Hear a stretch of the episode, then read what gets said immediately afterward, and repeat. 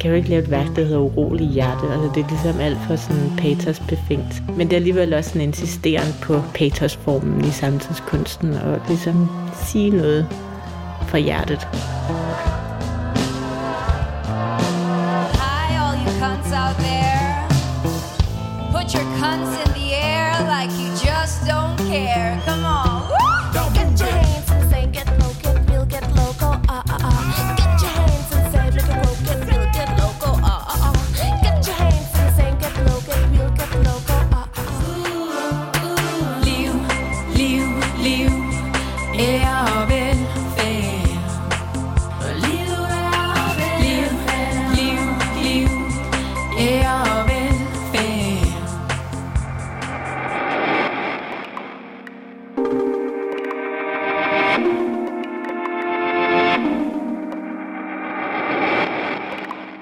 Velkommen til Kunsten Nus podcast, Lydkunst nummer 44. I den her udgave har vi mødt Kirsten Astrup og Maria Bordorf, som fortæller om deres spritnye filmkabaret Urolig Hjerte, som lige nu vises på Museet for Samtidskunst i Roskilde. Rammen for filmen er en DSB-togvogn fra 30'erne og dens passagerer. Med kabaret-inspireret musik anno 2018, og med en god portion patos, humor, 80'er romantik, kunstige øjenvipper, glimmer, papmaché-rekvisitter og et væld af medvirkende, kendte som ukendte, i scenesætter Astrup og Bordorf deres kritik af velfærdssamfundets derut. Bagom filmen ligger et års grundig research i de danske statsbaners historie og utallige interviews med tidligere DSB-ansatte og de nu hedengangne togstewardesser. For Astrup og Bordorf bliver statsbanen et billede på de gennemgribende forandringer, som Danmark og forholdet mellem individ og det fælles gennemgår lige nu, hvor værdier som solidaritet og fællesskab er stærkt under pres. I denne podcast møder vi Astrup og Bordorf, som er partnere både professionelt og privat, i deres hjem i Valby for at tage en snak om tilblivelsen af filmen og deres samarbejde. Vi har også fulgt parret under installeringen af udstillingen dagen inden åbningen. Lyt med og hør, hvordan det går, når de to får besøg af en lokal modeljernbaneforening, som har kreeret en togulykke af modeltog i en montre specielt til udstillingen. Og når de to skal beslutte sig for, hvordan deres uro af sexobjekter i papmaché hænger bedst. Rigtig god fornøjelse. Jeg hedder Kirsten Astrup, og jeg er billedkunstner. Jeg har lige åbnet en soloudstilling på Museet for Samtidskunst, som hedder Urolig Hjerte, en filmkabaret af Kirsten Astrup. Vi sidder i mit, vores hjem i Valby, sidder øh, sammen med Maria Bordoff, min samarbejdspartner og kone. Jeg hedder Maria Bordoff, og jeg er kunstkritiker og skribent. Og vi har samarbejdet en del på Urolig Hjerte. Øhm, et samarbejde, som er vokset stødt i løbet af det sidste halvårs tid især. Øhm, Altså, jeg havde en længere sådan research og konceptualiserende fase øh, over nogle måneder, før Maria sådan rigtig satte meget ind. Øhm, altså jeg tror, øh, man kan i hvert fald sige, at, at øh, Kirsten har komponeret musikken, og jeg har skrevet teksterne for eksempel. Det er sådan en meget klar rollefordeling, Men- vi har. Ja, så er det jo Kirstens øh, initiativ og, og idé og, og konceptuelle udgangspunkter og alt det der, men, men derfra har tingene, tror jeg, ja, eller det har de flydet godt og grundigt sammen, og vi har begge to haft rigtig mange hatte på, både sådan faglige, indholdsmæssige hatte og totalt lavpraktiske møghatte. ja, sådan. Vi har trukket godt begge to.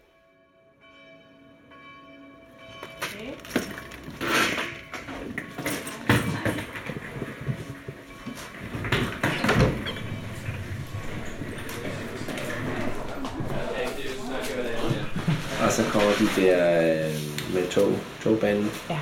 Skulle komme her om lidt. Ja. Det var sjovt. Det bliver rigtig sjovt. Ja. Meget spændende. Ja, vi går lige derover.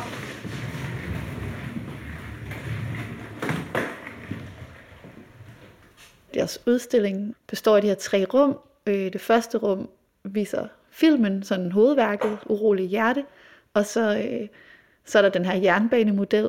Øhm, og så er der et rum, der viser primært rekvisitter fra filmen, øhm, en uro af sexobjekter og papmaché kufferter. Og så det sidste rum er det her dokumentationsrum, øhm, hvor man kan dykke ned i den researchproces, der har ligget forud for filmen.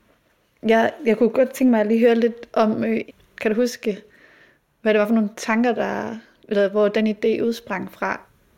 Jo, det startede mange steder, men blandt andet startede det meget konkret, da jeg på et tidspunkt øh, tilfældigt fandt et billede af nogle togstyrdesser, der står på, på sporene for en lyntog på Københavns hovedbanegård.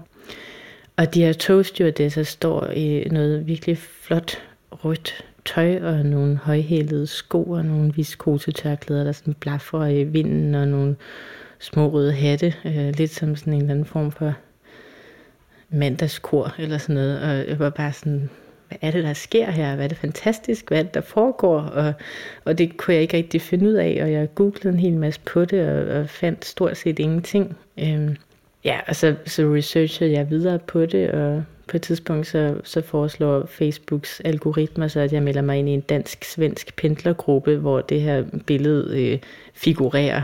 Og, og så var det der billede så inde i gruppen, og der var en, der havde kommenteret, ej, jeg husker det, som var det i går. Og så skyndte jeg mig at skrive til hende, hvad er det, du husker? Hvem er du? Hvad, hvad er der foregået? Og så, øh, og så satte hun mig i kontakt med en hel masse fantastiske mennesker, som så er blevet øh, ja, nogle virkelig gode interviewpersoner til, til vores research-fase. Så inde i det her rum, der øh, bliver noget af research-processen præsenteret. Øhm, så der kommer til at være øhm, uddrag for noget, der hedder Chak-revyen. Og det er øhm, et led i, at jeg som en del af researchen har snakket en del med nogle gamle togstewardesser, som øh, lavede nogle ret formidable strækker, og som et efterslæb deraf begyndte at lave deres egne revyer fra 92 til 2003. Øhm, og de er bare de er ret seje. Altså, de er virkelig dårlige og gode sange. Øh, så der, der har jeg klippet, hvor meget er det? Seks indslag ud, eller sådan noget fra 96-revyen, som så bliver vist her. På det lille fjernsyn, der er det. Ja, nemlig. Ja. Der er blandt andet sangen øh, Op i røven med det hele, øh, som jeg synes er rigtig god. 1, 2, 3, op i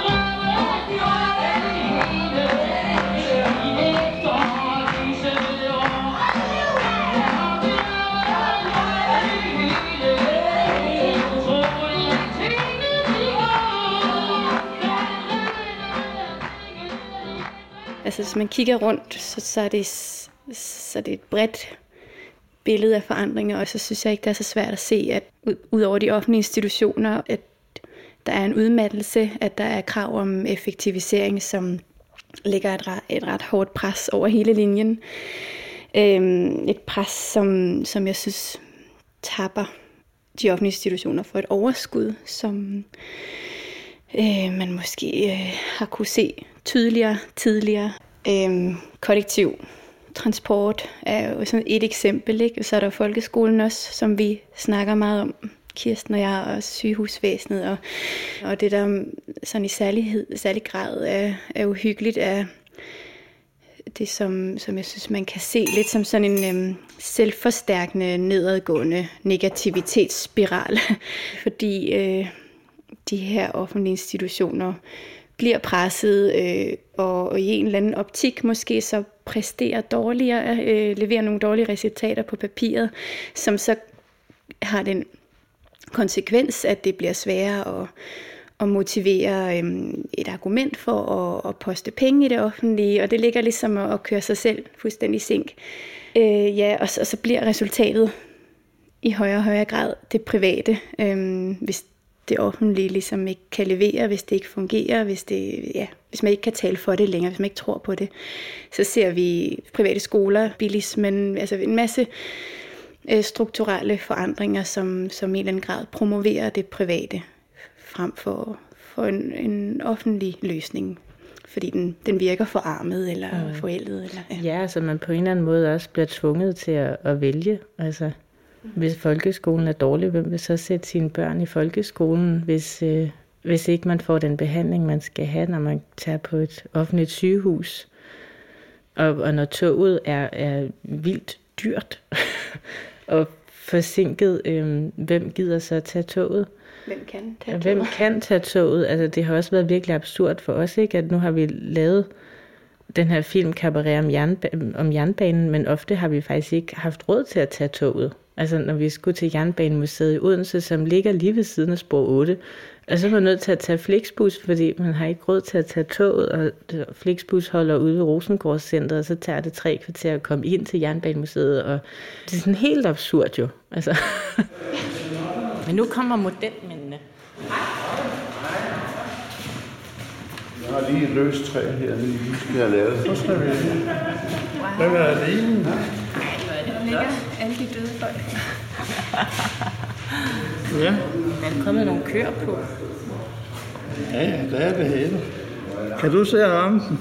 Jeg synes fandme ikke, jeg kan se. Ja, er det der, hvor Ja, er? ja. Sådan, du vil have den. Sådan. Kunstneren sætter sidste hånd på værket. Master of Fine Art. Ja, præcis. Men kan I ikke lige forklare, hvad det var? Vi snakkede lidt om, hvordan det var, at den der ulykke kunne ske. Jamen altså, det vi forestiller os, det er, at, øh, at det er sporskiftet, der gør, at det kører galt. Ja. Øh, dels er der en, der stiller sporskiftet lige i det toget er der, og så har han for høj fart på. Det er sådan lidt i stil med Sorø-ulykken i sin tid, ja. hvor de skulle ind på et sidespor med det her Intercity-tog, og han havde for høj fart på, så de vogne de røg af. Ikke? Ja. Ja, og det passer jo perfekt med filmen, hvor der sker en masse sporskift undervejs. Ja. Og så går det galt. Ja. Ja, der, der sker en togulykke, og så synes jeg bare, det ville være sjovt at lave den togulykke som øh, i model øh, jernbaneform, i stedet for at, øh, at man ser togene, som, som kører galt inde i filmen. Der hører man kun lyden af, at det kører galt. Jeg lægger et lille budget til at lave en togulykke, så er det på en måde lidt lettere at lave den inde i en montre som sådan et øjebliksbillede. Det er meget autentisk med de der løbes, eller de der spor af blodet. Ej, hvor er det godt, altså. Vi er glade for, at I er glade. Ej, men så fedt. fedt at lave et bil. Altså, vi har jo gjort det efter bedste evne, ikke? Og det er virkelig, virkelig, virkelig fint. Øh,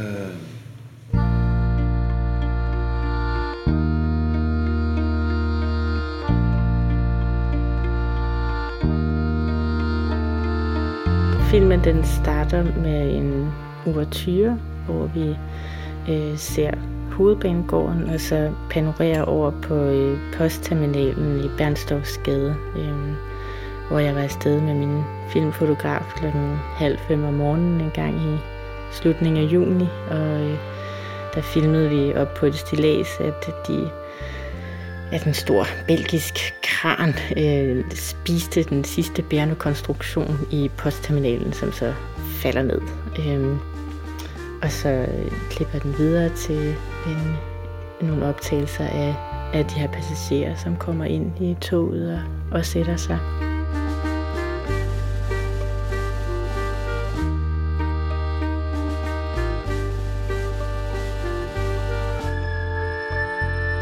Det bygger jo på en, øh, en cabaretstruktur. Øhm, så den består jo af de her øh, tabloer eller scener, øh, lidt sådan musikvideoagtige indstik, øh, som øh, spiller ind, øh, kaster forskellige emner i spil. Øh, men vi har haft brug for, at der var noget, man vendte tilbage til, og det er de her passagerscener, som der er. Det er en gruppe rejsende, som øh, befinder sig i et tog fra... Hvad var det fra? 30'erne. 30'erne, ja. Som øh, man ved ikke, hvor de er på vej hen. Øh, sikkert i forskellige retninger. Men, men man vender tilbage til de her, de her rejsende, så det fungerer lidt som en, en form for ryggrad i filmen. oh, Vi er ved at rykke øh, uroen derinde. det, Okay. Det mig, Ja, nu går vi ind i sådan en, øh, ja, hvad der normalt er blackboxen på museet. Det synes jeg faktisk er ret fint. Vi har lavet en uro af papmaché sexobjekter. Vi diskuterede lidt, hvordan de skulle installeres i det her mørke rum, og så tænkte vi, at uroen var en meget god måde at gøre det på. Jeg kan så ikke rigtig se, hvad det der er. Det er en buttplug. Helt sikkert. Men det er også lidt fordi, der er en scene i filmen, hvor øhm, der er en sexscene, som sker lige inden der er en afsporing af toget. Så der sker en ulykke, går skærmen i sort. Og så kunne man måske forestille sig, at de her objekter stiger til himmels, eller flyver ud af vinduet, eller sådan noget. Så det er lidt også derfor, de flyver. Ja. Det hænger så meget tydeligt i en fiskesnør her. Det er jo- Ja, jeg troede også, den var lidt mere utydelig. Vi skal buttpluggen hænge længere nede, tror du måske? Eller? Det kan godt være, den skal det. Hvis den hænger sådan lavest af dem alle sammen. Fordi den er mørk. Ja. Forrest og lavest. Ja. ja. Flyvende pølse.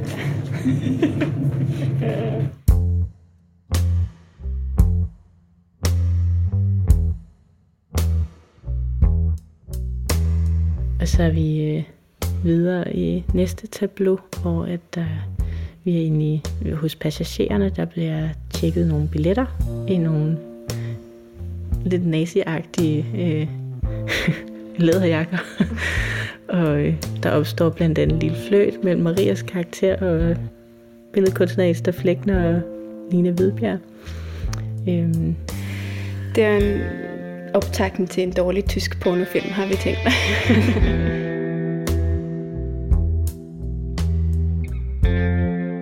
Hvad er jeres rolle i filmen?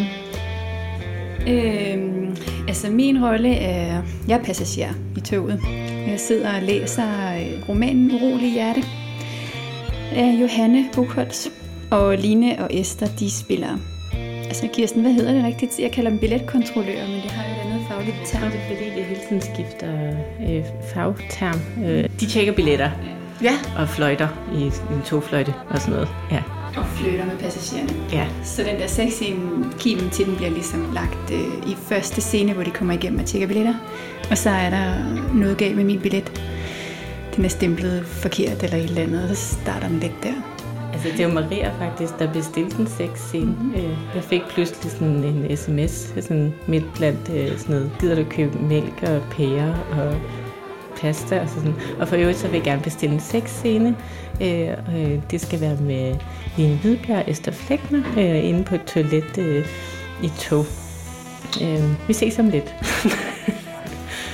så nu er der en sexscene med de tre personer, ja, som er optaget i, i en såkaldt udflugtsvogn øh, fra 1936. Ja. Vi havde snakket om det inden. Men det er lidt en hilsen til Anne Linnes nattog-sang. Øh, Så den har lidt sådan noget 80'er blåt lys ind over sig. Og de her tre papmæssige sexobjekter kommer i spil. Den er meget øh, diskret. Den er ikke sådan voldsomt eksplicit. Den, den lander et meget fint sted, synes jeg, og håber jeg. Hvor jeg synes, den, den bliver måske mere øm eller fragil, end hvis vi var gået all in eller sådan. Så det handler ikke så meget om, om det, at det er en sexscene. Det er mere... Der er også lidt sådan en, en ømhed mellem venner, eller der, ja, den kan mere end bare være en sexscene, synes jeg. Og det er så den, der bliver smadret af den her togulykke.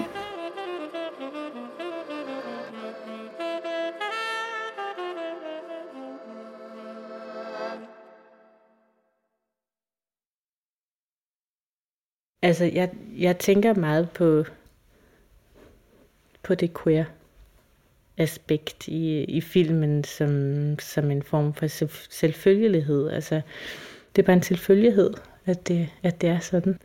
Kan vi forklare, hvordan det, øh, hvordan det indgår? Altså, hvordan er det, kommer det til udtryk øh, visuelt? Øh, jamen, altså, der er ikke nogen, der er med i filmen, uden at, at de har øh, falske øjenvipper og øh, en hel del makeup på. Øh, det er ligesom sådan et, et, et krav også, selvom selv øh, konservatorerne for Nationalmuseet, som står og maler inde i de kongelige ventesale, de har falske øjenvipper og, og makeup og på ryg på. Øhm, ja, så kører det også bare rundt i, i køn. Der er mange forskellige fortolkninger af, af køn hele tiden. Der er ikke noget, der ligesom er, er normativt. Øhm, og gerne på en måde, hvor man for så vidt ikke skal tænke så meget over det. Det er mere bare som sådan en naturlighed, at det er sådan. Men det er så der, det så også krydser på sådan en lidt sjov måde, når man så bruger gamle uniformer, som egentlig har et sådan relativt konservativt præg, at der er noget, der ligesom bliver meget sådan velkendt, og noget, der er meget fremmedgørende. Og jeg synes, det er ret interessant, ligesom og æstetisk og indholdsmæssigt at befinde sig i det rum, hvor det sådan resonerer i de der ting hele tiden. Men vi bruger også lidt det her med at dragge som en måde at understrege det performative øh, element, tror jeg. Det her med at få øje på, at det er en fortælling. Hi, all you cunts out there. Put your cunts in the air like you just don't care. Come on. Woo! Øhm, jeg har nogle gange haft en følelse i forbindelse med den her proces. For eksempel har jeg haft en jernbanejakke på og, og, og lige løbet ned i kiosken, fordi det var lige den jakke, der hang. Og så haft en følelse af, at, at, at den her jernbanejakke, jeg har sådan projiceret ud i fremtiden og havde købt den her jakke i en genbrugsbutik, og det var sådan en følelse af, at, at tingene var blevet gamle, øh, museale, et eller andet øh, retroobjekter. Det, var sådan, øh, og det åbnede lidt sådan et blik på, når jeg sådan kan bevæge mig rundt nogle gange i, i nationalstaten, som man jo gør. Vi bor her jo. Få sådan et blik på, på det, som om at det er blevet noget musealt, eller det er ved at blive musealt. Det, det, Danmark bliver, en, bliver et museum, eller sådan noget, øh, en udstilling. Og i det ligger der så det der med at få øje på, at vi, vi performer den her fortælling, at vi performer vores nationale identitet, eller vi performer det, vi arbejder med, eller alle de der ting. Altså det, Well, here's a spell for you.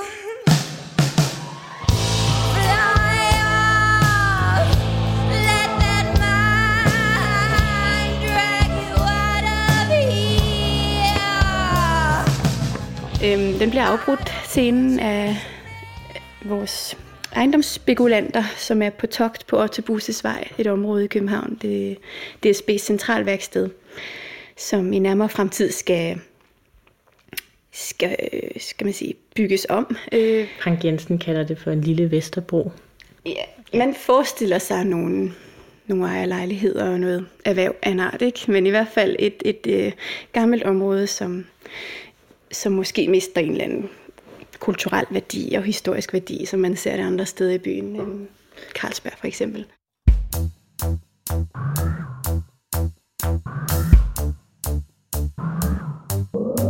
Der har vi så valgt at, at karikere det ved at, at have Rosalinde Mønster, skuespiller, og øh, Kenneth M. Christens og forsanger for Gypsy Rape bandet Tagulago til at komme kørende ind i en gammel amerikaner slæde, en gammel amerikanerbil. Øhm, og så fyrer de så bare igennem øh, nogle af alle de her gamle, flotte bygninger og værksteder og diverse store maskiner med et, øh, et pophit, som vi plejer at kalde det, øh, dækket op.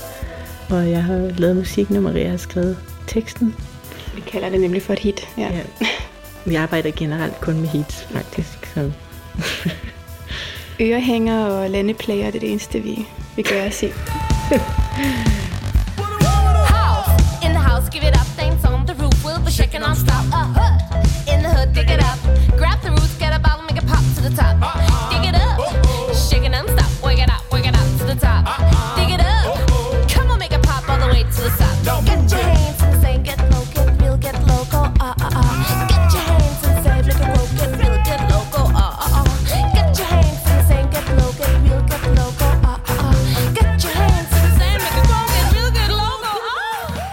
går de ind i øh, DSB's gamle administrationsbygning, hvor halvdelen står tomt lige nu.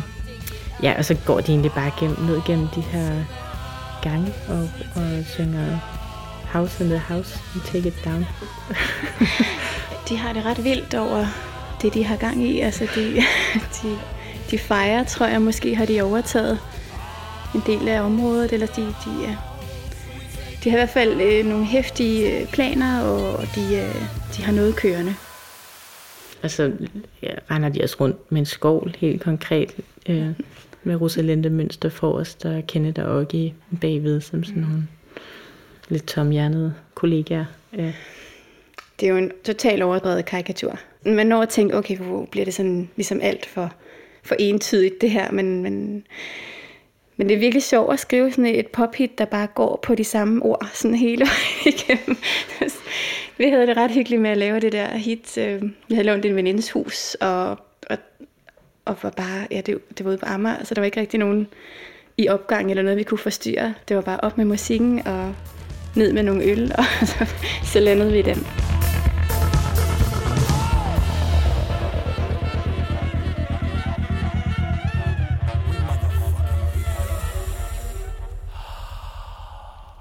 Øhm, og så øh, er vi ellers tilbage i, i Odense, hvor der er en festscene i en gammel udflugtsvogn fra 1936, i standsat i 60'erne.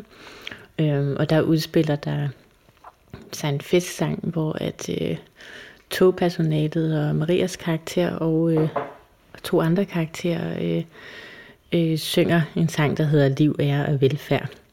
Med en, øh, med en særlig koreografi til, mm. som nogle af vores venner har, har udviklet. Mm. Øhm, men den her sang, Liv, og Velfærd, den kommer så af, at vi øhm, havde interview med en, der hedder Maj-Britt Bidstrup, som var togstewardesse i 80'erne og også fagforeningsrepræsentant.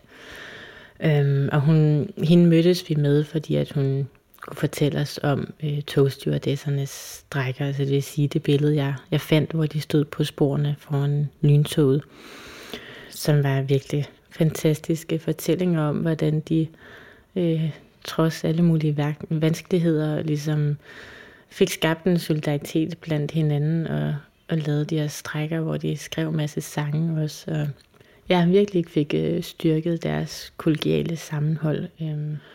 Og, og i den forbindelse, så nævner hun ligesom i, i en bisætning, der vi på vej væk fra interviewet, den her paragraf øh, liv, ære og velfærd, øh, at de havde smidt liv, ære og velfærdskortet. Og jeg blev bare sådan helt, hvad er det, du siger? Øh, sikkert dog en poetisk, øh, patos befængt paragraf. Hvad findes den virkelig?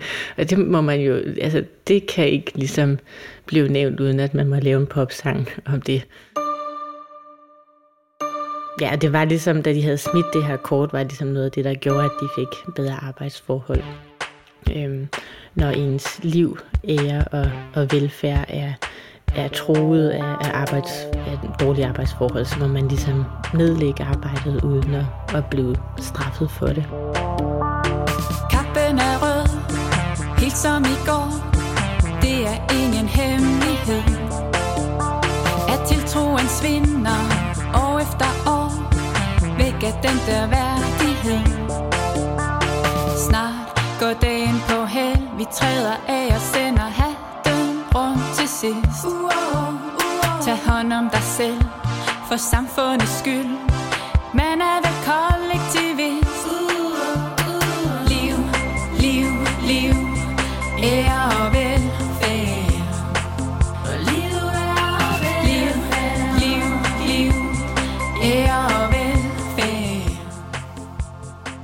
Det var vi sådan ret overbevist om, der skal virkelig være en, en scene i det her værk, en festscene, som, mm.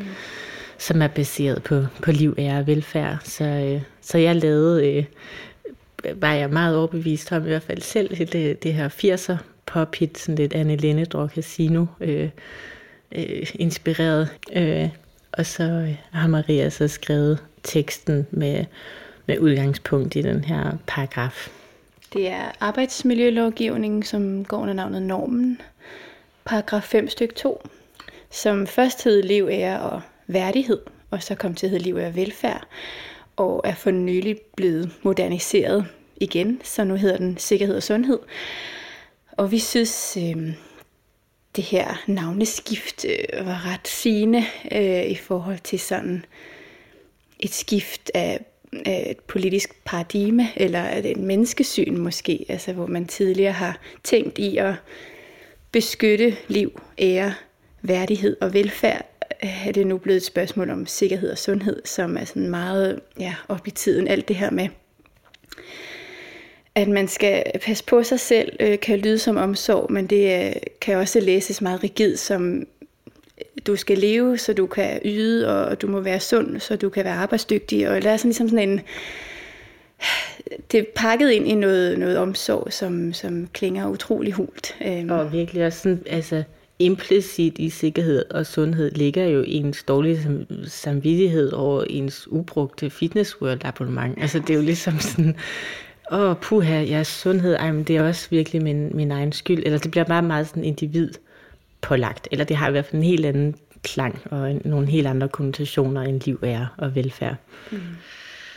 Og så er, det, så er det nærmest den sidste scene, vi kommer til, som er optaget på de her kongelige ventesale, I har opdaget på hovedbanegården. Ja, hvad kaldte du det? Et, et lille Amalienborg. Et lille stykke Amalienborg, som er integreret i Københavns hovedbanegård.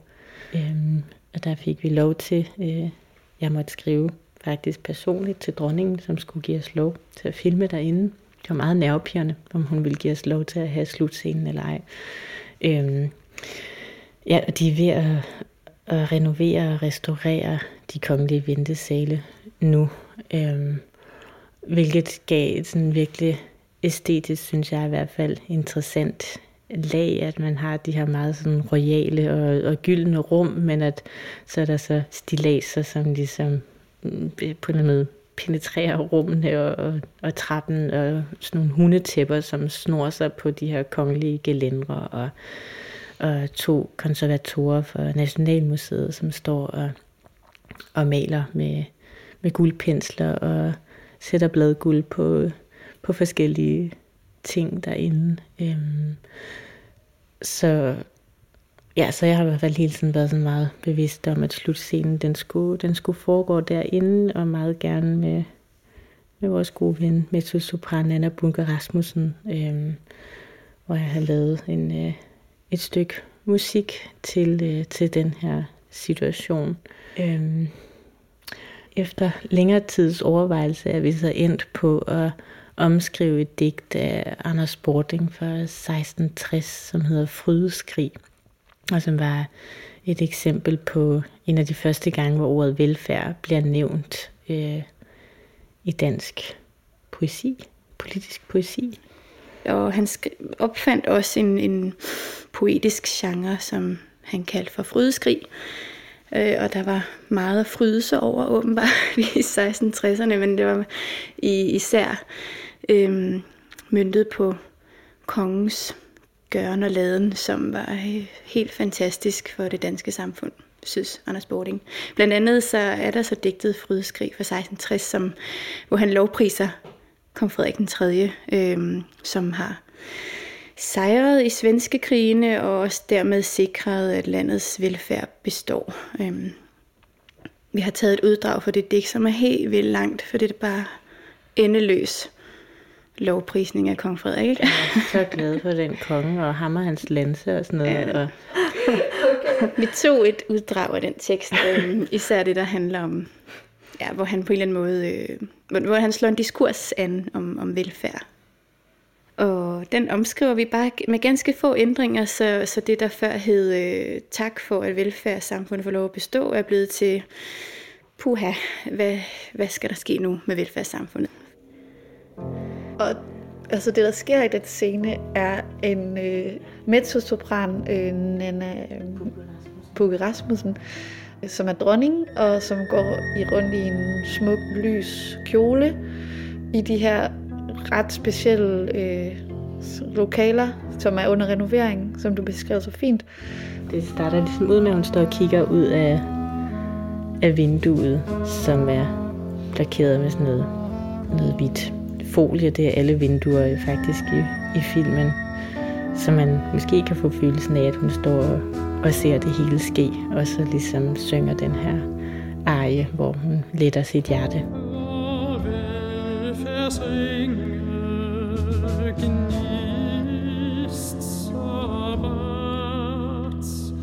Es lockt oss let zur gange Som in dyrköpt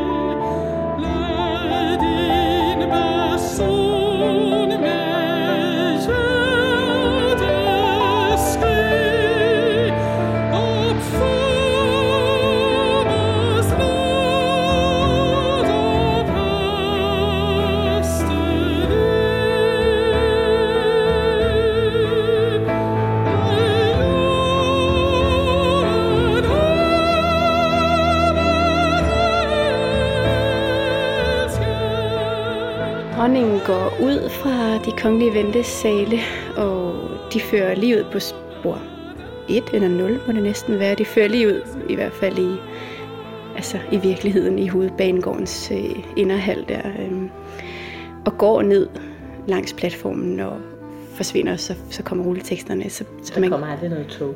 Ja, man kan tolke det på mange måder. Hun, hun går i hvert fald. Vi har tidligere arbejdet lidt med, at hun,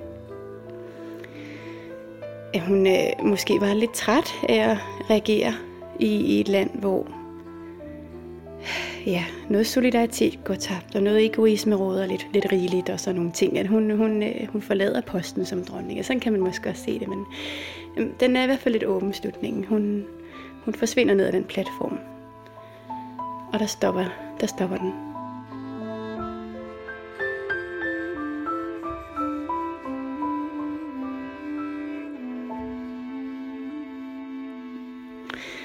Så det er kommer til at hedde hjerteskrig i stedet for frydeskrig.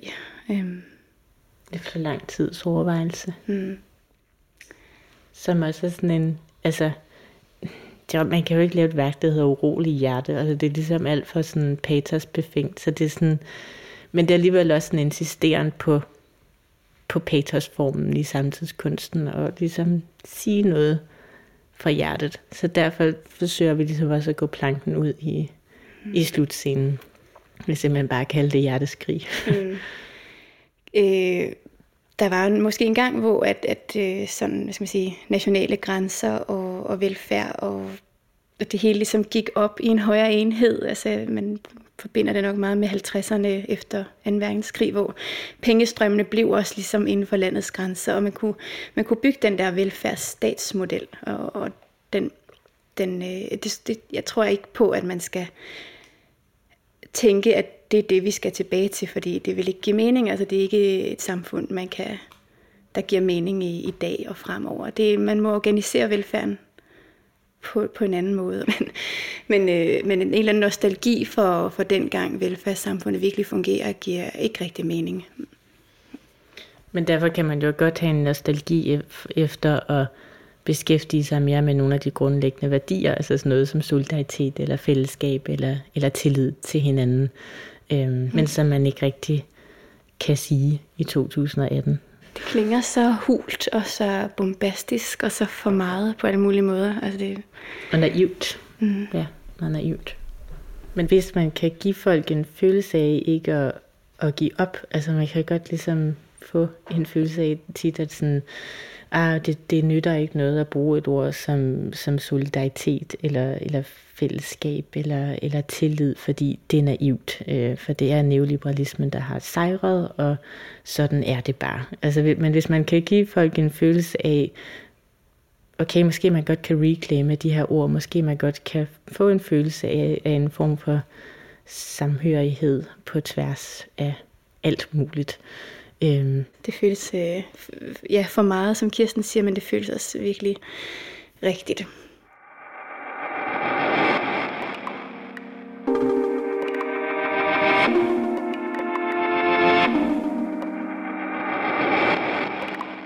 Det var alt for den udgave af Lydkunst podcast. Du har hørt uddrag fra nummeret Op i røven med det hele fra 1996 fra stewardessernes årlige chakrevy og fra sangene Overture, Passenger Blues, Dig It Up, performet af Rosalinde Mønster, fra Macho Toxicality, performet af Danita Chuchik live på Roskilde Festival, fra Liv, Ære og Velfærd, normen paragraf 5 styk 2, sunget af Maria Bordorf, og fra Hjerteskrig med Nana Bugge Rasmussen. Alle sangene er komponeret af Kirsten Astrup og med tekst af Maria Bordorf. Udstillingen Urolig Hjerte løber frem til den 22. december på Museet for Samtidskunst i Roskilde. Lydkunst podcast udkommer med støtte fra Statens Kunstfond, Dansk Komponistforening og Sonningfonden på Kunsten Nu. Husk, at du kan abonnere på Lydkunst til din foretrukne podcast-app, og du kan hjælpe os med at nå ud til flere, hvis du rater podcasten i iTunes. Mit navn er Anne Neumann Clement. Med i redaktionen er Rosa Marie Frank. Kasper Janus Rasmussen har stået for mastereringen. Har du tips eller kommentarer til vores arbejde, hører vi meget gerne fra dig. Tak fordi du lytter med.